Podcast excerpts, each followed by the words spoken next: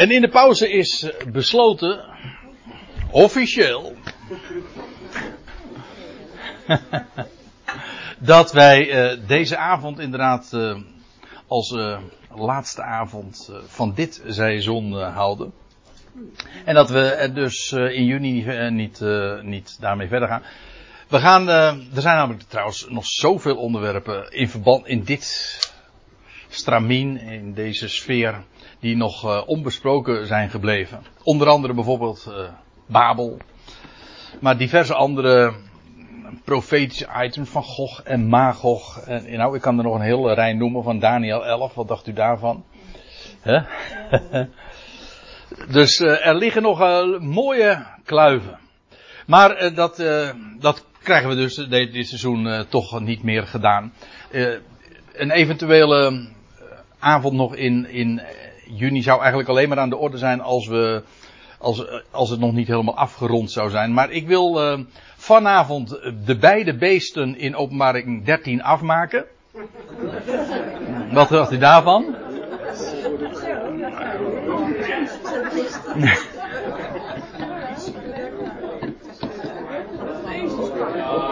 Met een ezelskaak, ja. Um, dus ja, dus, uh, dus, we hebben nog een aantal versen te gaan. Dat betekent dus uh, dat we het uh, met, met deze avonden dit seizoen afsluiten. En ik, ik moet trouwens nog even één dingetje bij zeggen. Nee, nog twee dingen voordat ik nu verder ga. En dat is, het werd me even zojuist aangegeven, dat het woordje anti Het woordje anti, ik ging er eigenlijk gemakshalve vanuit dat u dat uh, weet, maar uh, dat is toch niet zo uh, algemeen bekend. Het woord anti betekent niet tegen, maar betekent in plaats van. Alleen in een hele specifieke context kan het in plaats van, pardon, tegen betekenen. Bijvoorbeeld, ik geef jou, ik geef jou vier kwartjes tegen jij, tegen, tegen 1 euro of zoiets. Uh, nou ja. Uh, ik zit nu een paar muntstukken door elkaar te halen. Vier kwartjes tegen één gulden of zo. En dan heeft het, dan heeft tegen de betekenis van an, uh, in plaats van. Maar anti betekent in plaats van. Het is de, de uitdrukking of het woord, begrip antichrist betekent niet hij verzet zich tegen Christus. Dat is dan wellicht zo, of dat zou eventueel zo kunnen zijn. Dat is niet wat het woord betekent. Dat betekent hij stelt zich op in plaats van Christus. En dat is iets heel anders. Ja, en voor de rest moet ik er nog iets, uh, een, even een opmerking aan toevoegen. Sorry? Ja, met het woord antitype, dat is het model van. Dat, uh... Uh, ja. ja. ik kan niet goed, ik kan niet duidelijk uitleggen. Maar... Ja, je hebt typen en je hebt antitypen. Uh, ook in... Niet tegenovergesteld. Nee.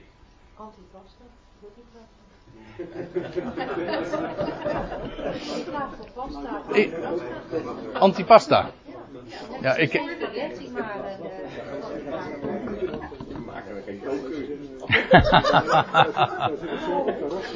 ja, nou, er zijn ongetwijfeld veel meer woorden waarin dat blijkt. Maar uh, dat even, dus als, uh, als puntje op de i, als het gaat om die antichrist. En voor de rest, ja, uh, excuseer ik me natuurlijk over het feit dat we het uh, over hele aardse dingen hebben. Letterlijk, we hebben het nu over het beest uit de aarde. En je kunt natuurlijk altijd zeggen, ja, ik, ik hou me veel liever bezig met de dingen die boven zijn. Hè? Nou, dat, is, dat, dat is ook veel mooier, want dit is niet echt verheffend, maar het is wel de schrift. Hè? God heeft reeds in duizend jaren geleden het zijne gezegd en vast laten leggen uh, wat zijn opinie, wat zijn zicht is, of wat, ja, hoe hij aankijkt tegen die hele afwikkeling van deze Aion en die, die twee monsterlijke types, die twee beesten die straks in de eindtijd zullen verschijnen. En als, uh, als die zich zullen aandienen, ja, dan, dan gaat er het een en ander gebeuren. En dat staat allemaal al opgetekend in de schrift. En ja, wie een oren heeft, die oren. En ja, eh, dat het niet het meest verheffende is en dat we eh, ons veel uh, ook, ook kunnen bezighouden met de dingen die boven zijn en onze geweldige verwachting of over de gelukkige God. Hè? Dat gaan we volgend weekend trouwens doen. Ik bedoel, goed bericht weekend in, uh, in Maren. Ja, de gelukkige God, Tony. Dat is wat anders dan het beest uit aarde. dat, is, dat is een andere koek. Hè?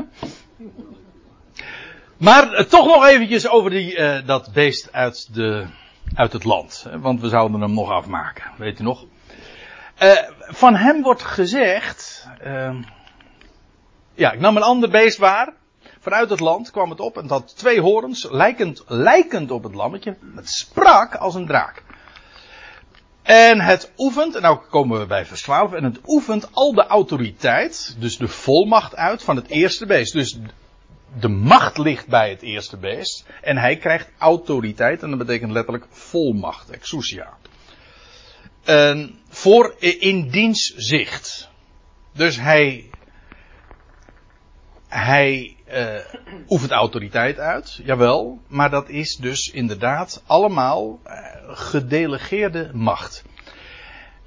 En het maakt dat het land en zij die daarin wonen het eerste beest zullen aanbidden.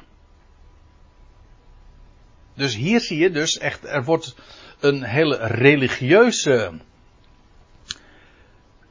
uh, beweging gestart door dat beest uit het land. En die maakt dat dat beest uit de zee, wiens aanslag van de dood was genezen, dat ze hem gaan aanbidden. Dat ze religieuze eer daarvoor zullen, uh, aan hem zullen toebrengen. Ik lees even verder. Want dat is nog het onderwerp in de navolgende verse ook. En het doet grote tekenen. Dit zijn dus geen, dit is geen goochelaar. Ook geen illusionist. Dit is gewoon regelrecht uit de afgrond. Dat lees je trouwens ook. Van het beest uit de zee lees je ook uh, in openbaring 17. Hij, uh, niet dat het uit de zee komt, maar uit de afgrond. Ja, ik denk ook dat hij bezeten is van een, van, van, vanuit de onderwereld. Het is weliswaar een menselijke verschijning, maar hij is eigenlijk bezeten.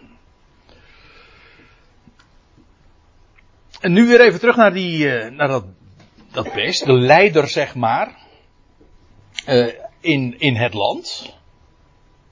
En hij is een valse profeet en dat betekent dat hij weliswaar, uh, hij politieke macht, hij, heeft, hij, hij oefent de macht uit, de volmacht uit van het eerste beest.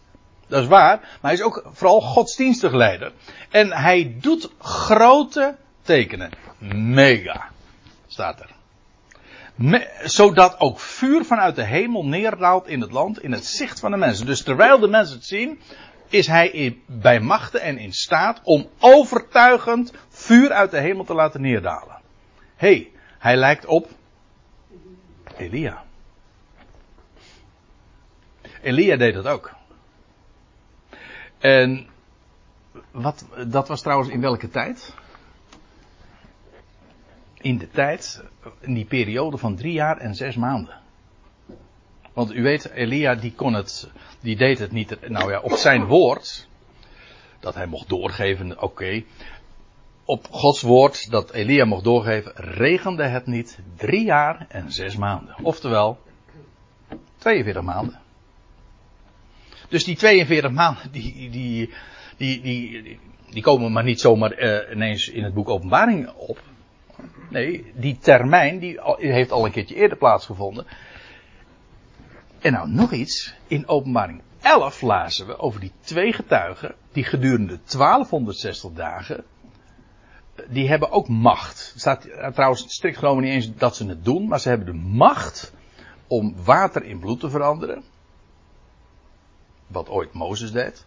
En, die, en ze hebben ook de macht, staat er, om het uh, gedurende de tijd van hun profeteren, dat is 1260 dagen, om het niet te doen regenen. Hé, hey, dat is Elia.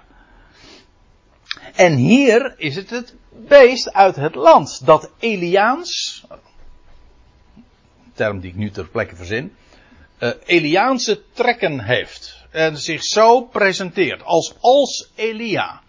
En waarmee hij zich feitelijk dus weer profileert als vals profeet.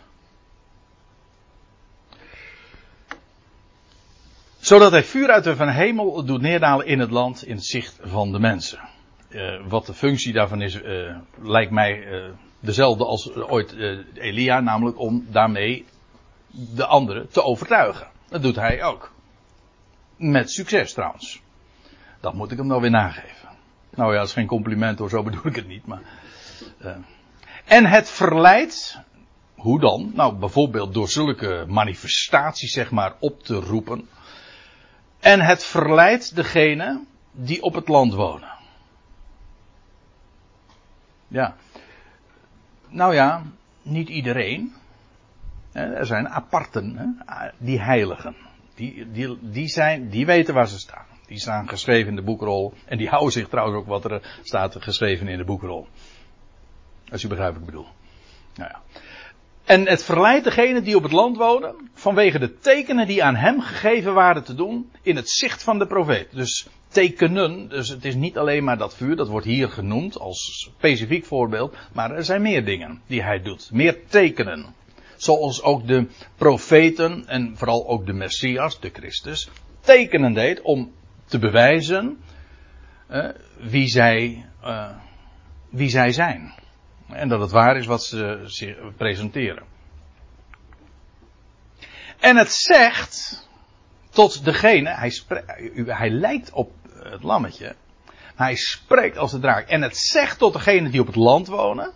Ik, ik, eh, ik wijs er nog een keer op. In de meeste vertalingen wordt hier gewoon altijd gesproken over de aarde. En wordt dit eigenlijk als een, een wereldwijd eh, gebeuren gezien. Maar we hebben inmiddels eh, wel meer dan uh, één reden, reden gezien. Waarom het hier inderdaad specifiek ook over, niet ook, specifiek over Israël gaat. En in hoeverre dat ook zijn uitwerking zal hebben in andere landen, dat weet ik niet. Dat zou heel goed kunnen. Maar dat kun je hier niet uit afleiden. Het gaat hier over uh, het land in tegenstelling tot de zee. Dus de natie, de volkeren. Enfin, het zegt tot degenen die op het land wonen dat ze een beeld maken voor het beest. Dat een beeld maken. Eerst even dit nog. Dat zij een beeld maken. En nou zijn we weer terug bij waar we het al eerder vanavond, maar ook de voorgaande avonden, dezelfde voorgaande seizoenen over gehad hebben. Namelijk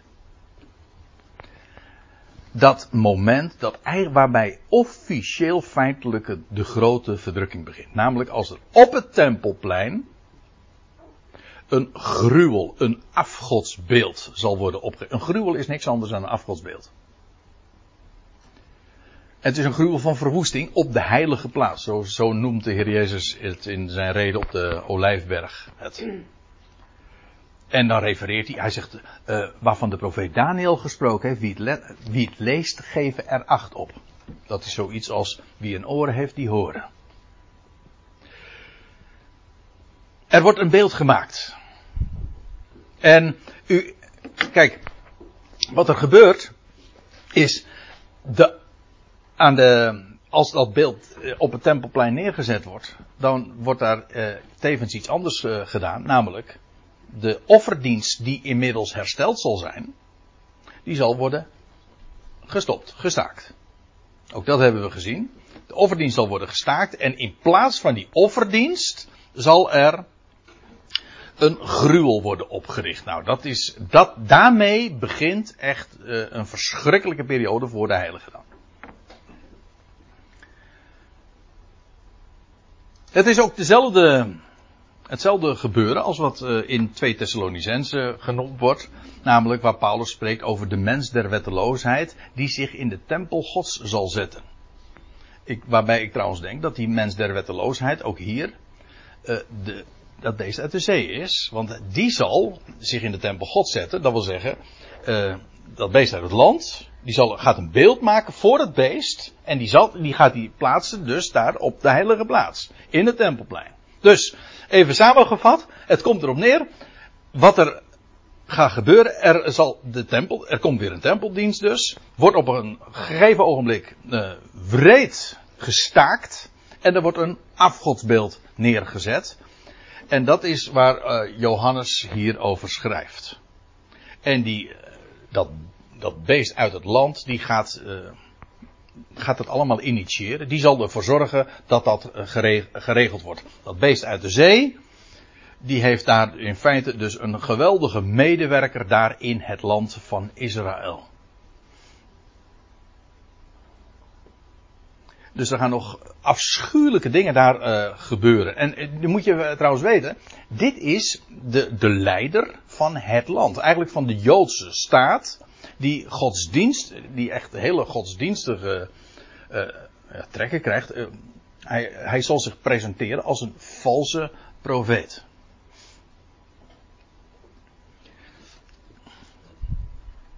Ja, als ik er zo over denk, dan. En, en ook wat er, uh, wat er uh, dan, dan vervolgens in dat land allemaal gaat gebeuren. Dat uh, maakt je toch wat weemoedig als, als Israël, zoals afgelopen maandag, dan haar 70-jarig, verja 70ste verjaardag viert. Zeg van, oh, wat er afschuwelijk drama wacht deze staat nog.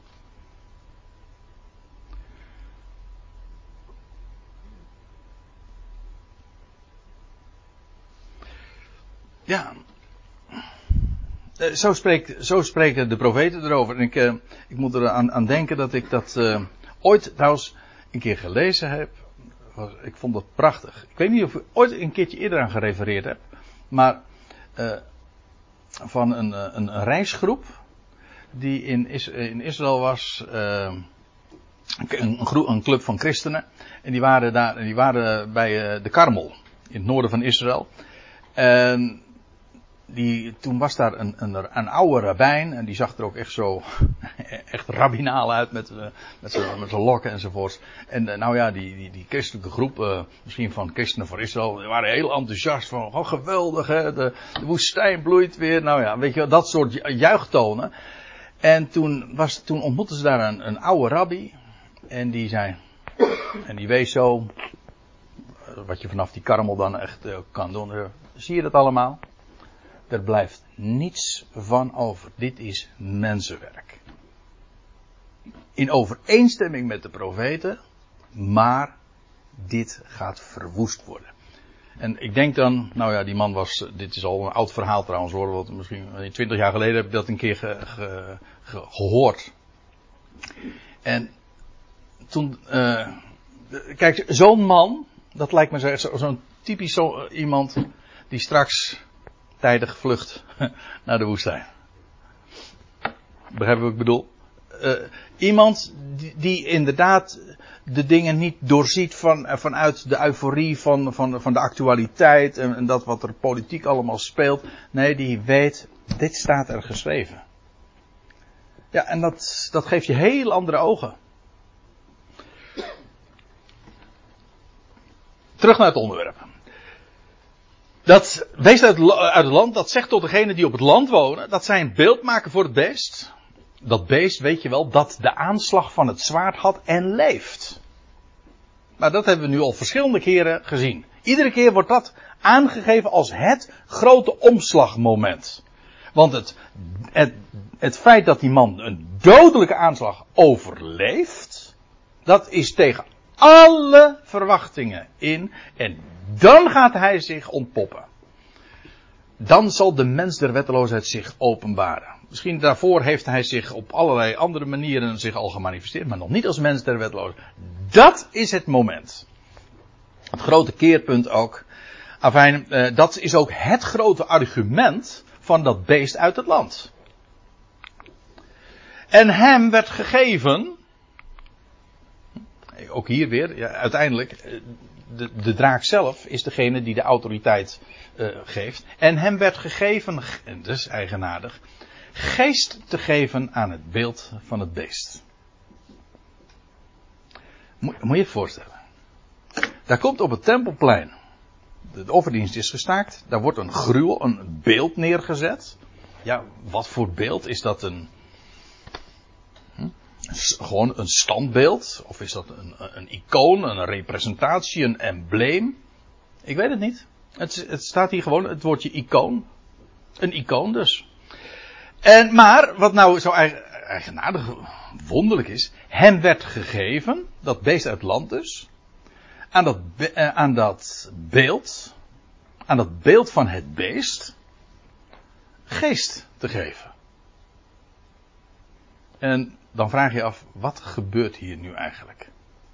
Ja, u zegt, nou, er wordt geest gegeven, ja, maar wat betekent dat dan? Eh, betekent dat dat, die, dat het beest, eh, eh, of dat dat beeld ineens gaat leven? Ik heb het zelf zo gedacht, maar toen ik daar nog wat, toen ik het woordje geest ook wat vanuit de concordantie bekeek, dacht ik, dat hoeft helemaal niet. Ik, ik ben nu eventjes gewoon aan het denken, want het woord geest is eigenlijk namelijk een heel ruim begrip.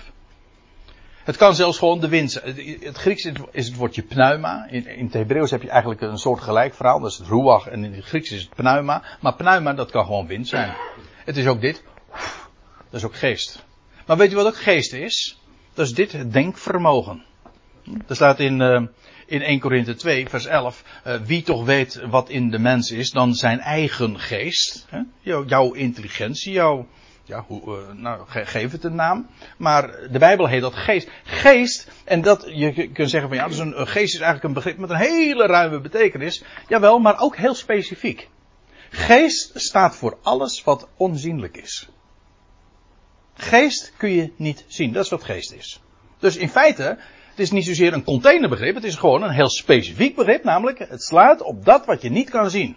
En dat inderdaad. En dan kan het dus ook de geesten zijn van engelen. Hm? Gedienstige geesten. Ja, die kun je ook niet zien. Die onttrekken zich ook. Maar de wind kan je ook niet zien. Ja, wel de effecten. Maar de wind zelf zie je niet. En adem kun je ook niet zien. En intelligentie. Hè, of het, het denkvermogen, dat onttrekt zich ook aan het, aan het zicht. Kortom, dat heet allemaal geest. Dus eigenlijk zegt het eh, niet zozeer iets, eh, niet zozeer wat het is, het zegt iets over ons handicap, namelijk ons onvermogen om het te zien. En daarover doordenkend, dacht ik, ja, is, gaat dat beeld, wordt dat eh, ineens een levend beeld? Of betekent dat dat dat beeld, ik vraag het hè, dat dat intelligentie, het vermogen krijgt om te denken en te spreken? En ik, ja, het is inderdaad wat eh, suggestief, hè? Kunstmatig, is dit kunstmatige intelligentie? Hij, hij, hoe dat ook zij. Ik, kijk, op het moment dat ik, dat zulke termen ga gebruiken, dus dat krijg je straks ook weer, als je de, de laatste versen leest. Ja, dan, dan, ga, dan, dan, dan geef je het namen die wij, eh, lab- geef je het labels die wij vandaag inmiddels kennen. U begrijpt natuurlijk wel dat Johannes niet kunnen kan zeggen van de, dat, eh, dat het kunstmatige intelligentie is. Hij beschrijft het met de taal die hem en de begrippen die gewoon hij kende en zijn lezers ook kenden.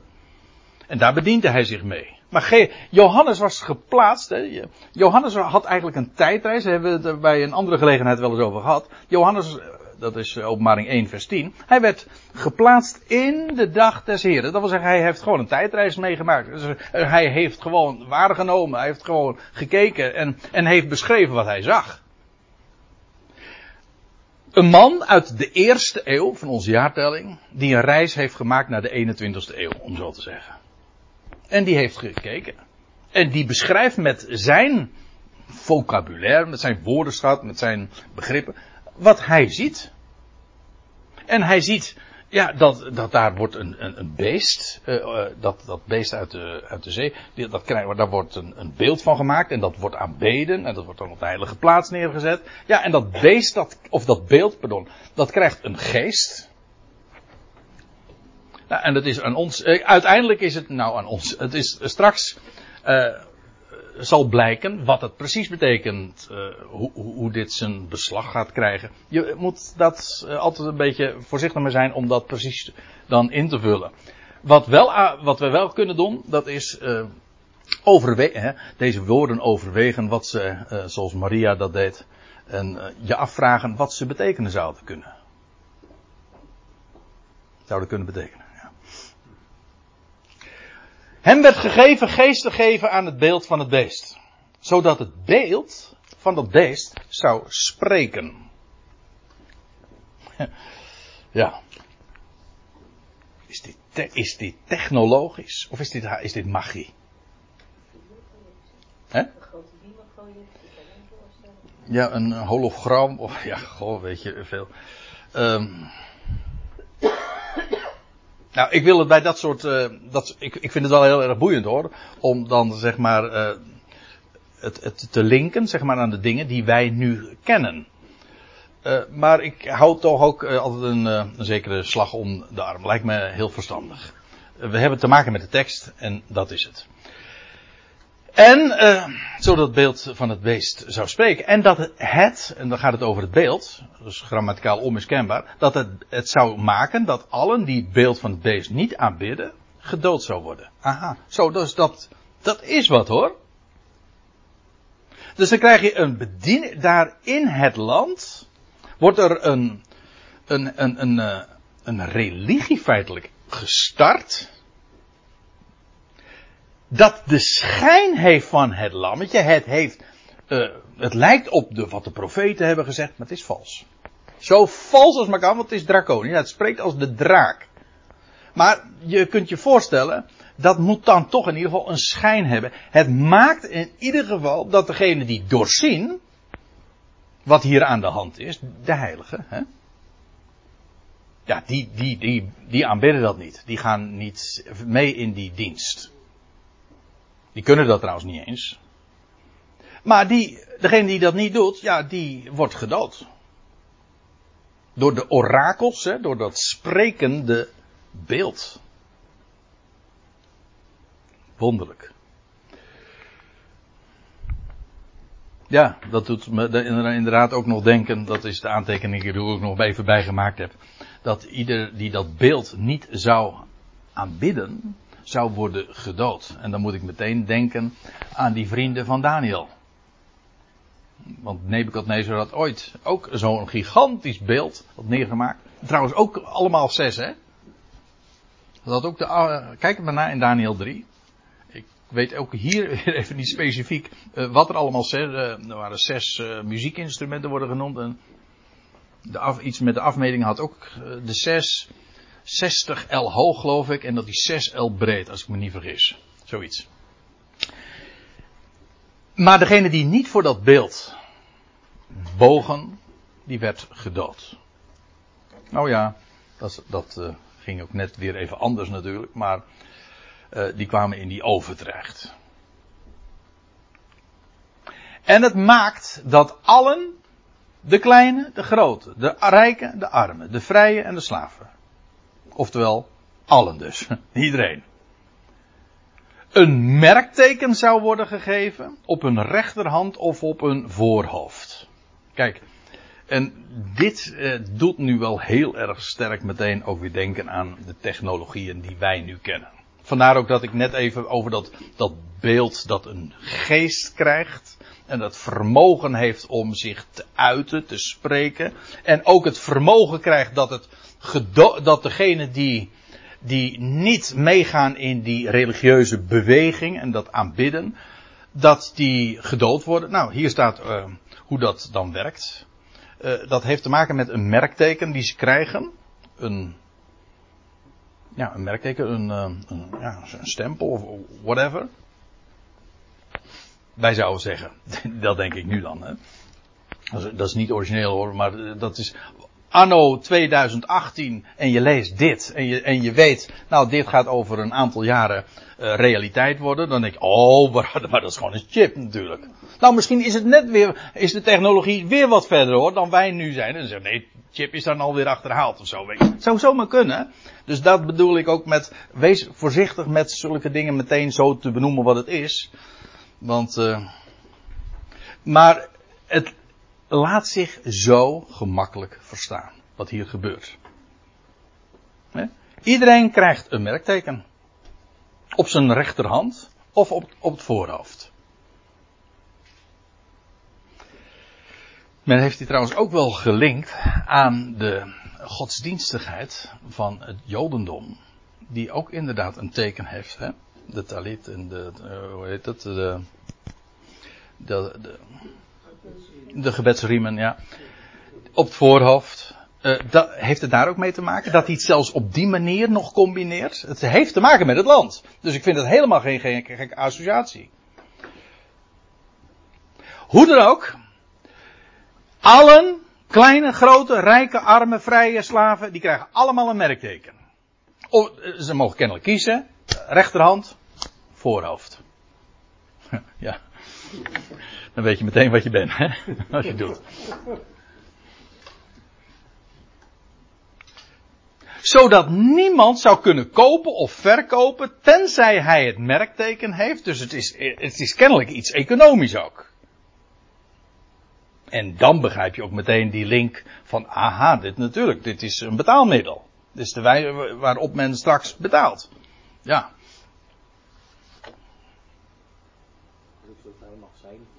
Israël is een van de eerste landen waarbij straks binnen een paar jaar uh, je niet meer kan, uh, contant kan betalen. We zijn er al mee bezig.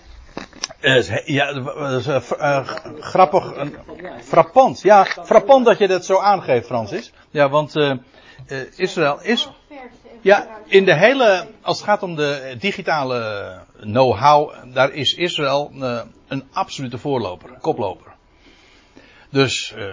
Dat we nu met een pinpasje betalen. Ja. Straks nu heb je al een tikje met je telefoon. Ja. Klaar, ja. je Daarom, uh, dit soort dingen hoef ik eigenlijk nauwelijks uh, toe te lichten. Dan zeg van ja, dit, uh, als dit zich inderdaad binnen nu een aantal jaren zich gaat, zich gaat aftekenen.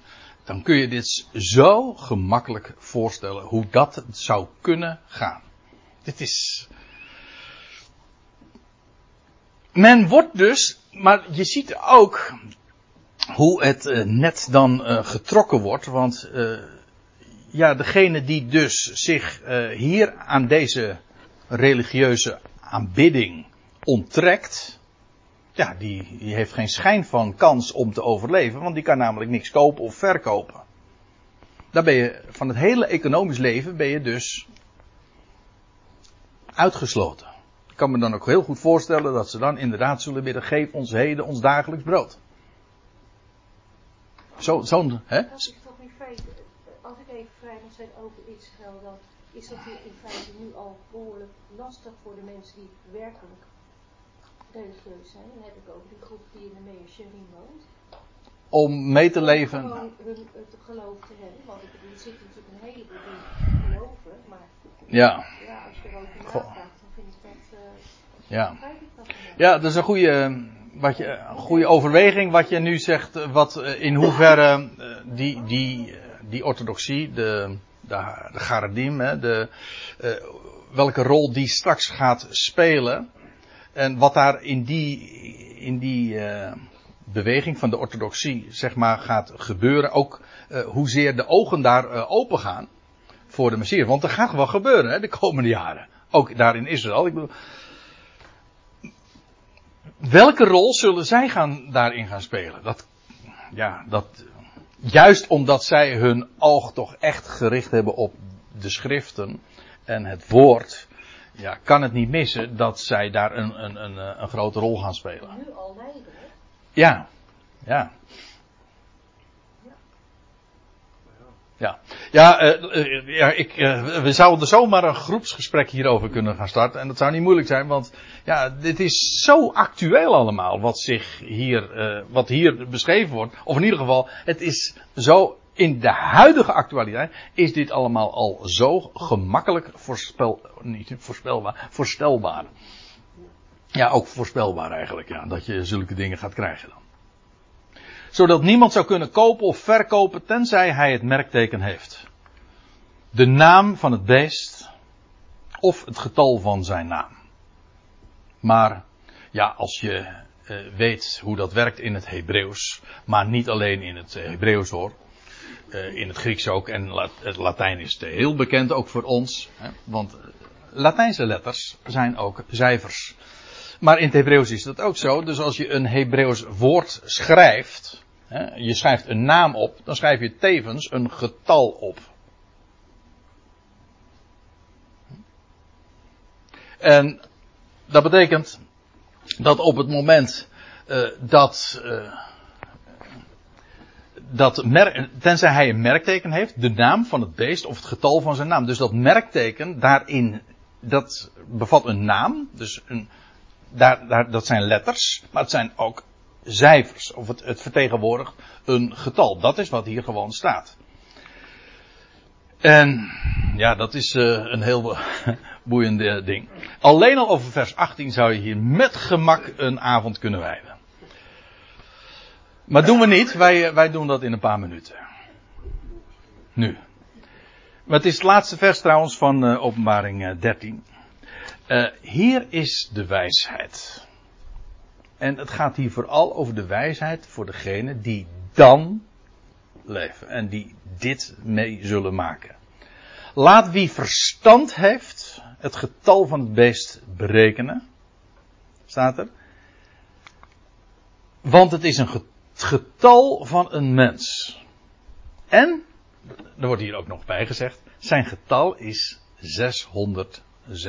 666. Dus als je zijn naam schrijft, dan krijg je het getal, heeft de totale waarde van 666. Dat is het getal van deze mens. Het is het getal van een mens, namelijk in dit geval die mens van de wetteloosheid.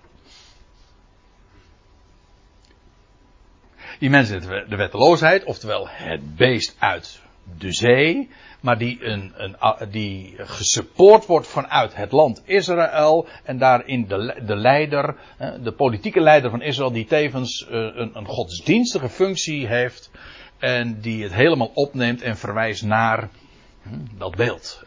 Naar dat beest. En daarvoor ook zelfs een beeld in op het tempelplein zal zetten. Ja. ja.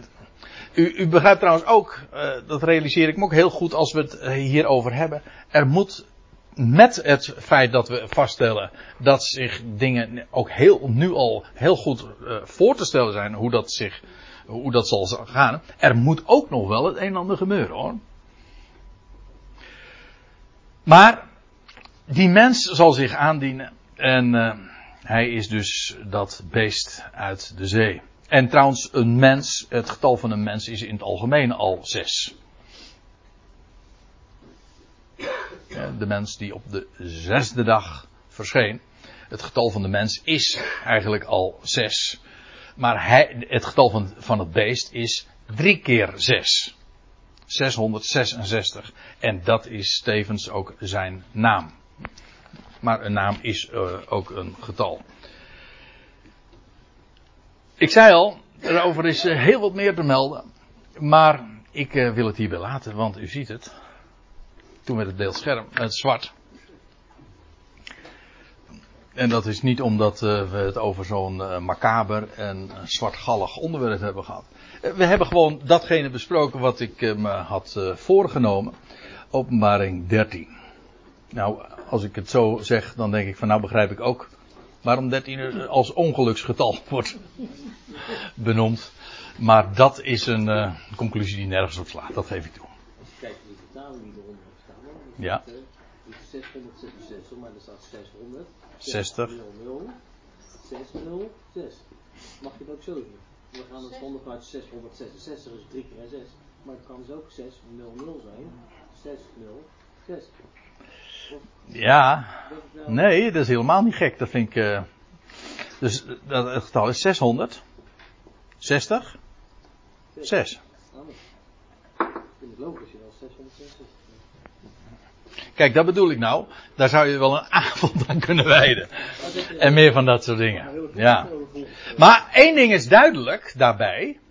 Als hij straks zich zal aandienen, dan kan het niet missen. Degene die wijs is en verstand heeft, uh, en daarmee, uh, dat, daarmee bedoelt de Bijbel gewoon, als je je laat verlichten door het woord, hè, want dan heb je verstand. Want je kan nog zo een IQ van 150 hebben, maar als je niet laat verlichten door het woord, dan heb je nog geen verstand en dan ben je zeker niet wijs. Eh, maar straks is die gewoon zo aan te wijzen. Onmiskenbaar, want zijn getal kun je gewoon berekenen. Berekenen. Hè? Dus je schrijft zijn naam op en door het, uh, dus de, de, de, door het op te tellen, de letters enzovoort, want dat is wat berekenen is, dan krijg je 666. Ja, nou, ik uh, wilde het uh, voor vanavond hierbij laten. Ik had dit Bijbelstudieseizoen heel graag wat, wat optimistischer afgesloten. Maar toch, en, en dat vind ik wel apart. Dit is toch, als je zo vanuit het woord deze dingen bespreekt, heeft toch, ondanks het feit dat het zo pijnlijk, zo moeilijk, zo een afschuwelijke tijd zal zijn. Je weet, dit is natuurlijk niet het einde. Die beesten, die worden inderdaad afgemaakt, ja. Dat, dat hebben we trouwens ook nog gelezen in openbaring 9. God gaat dit allemaal rechtzetten.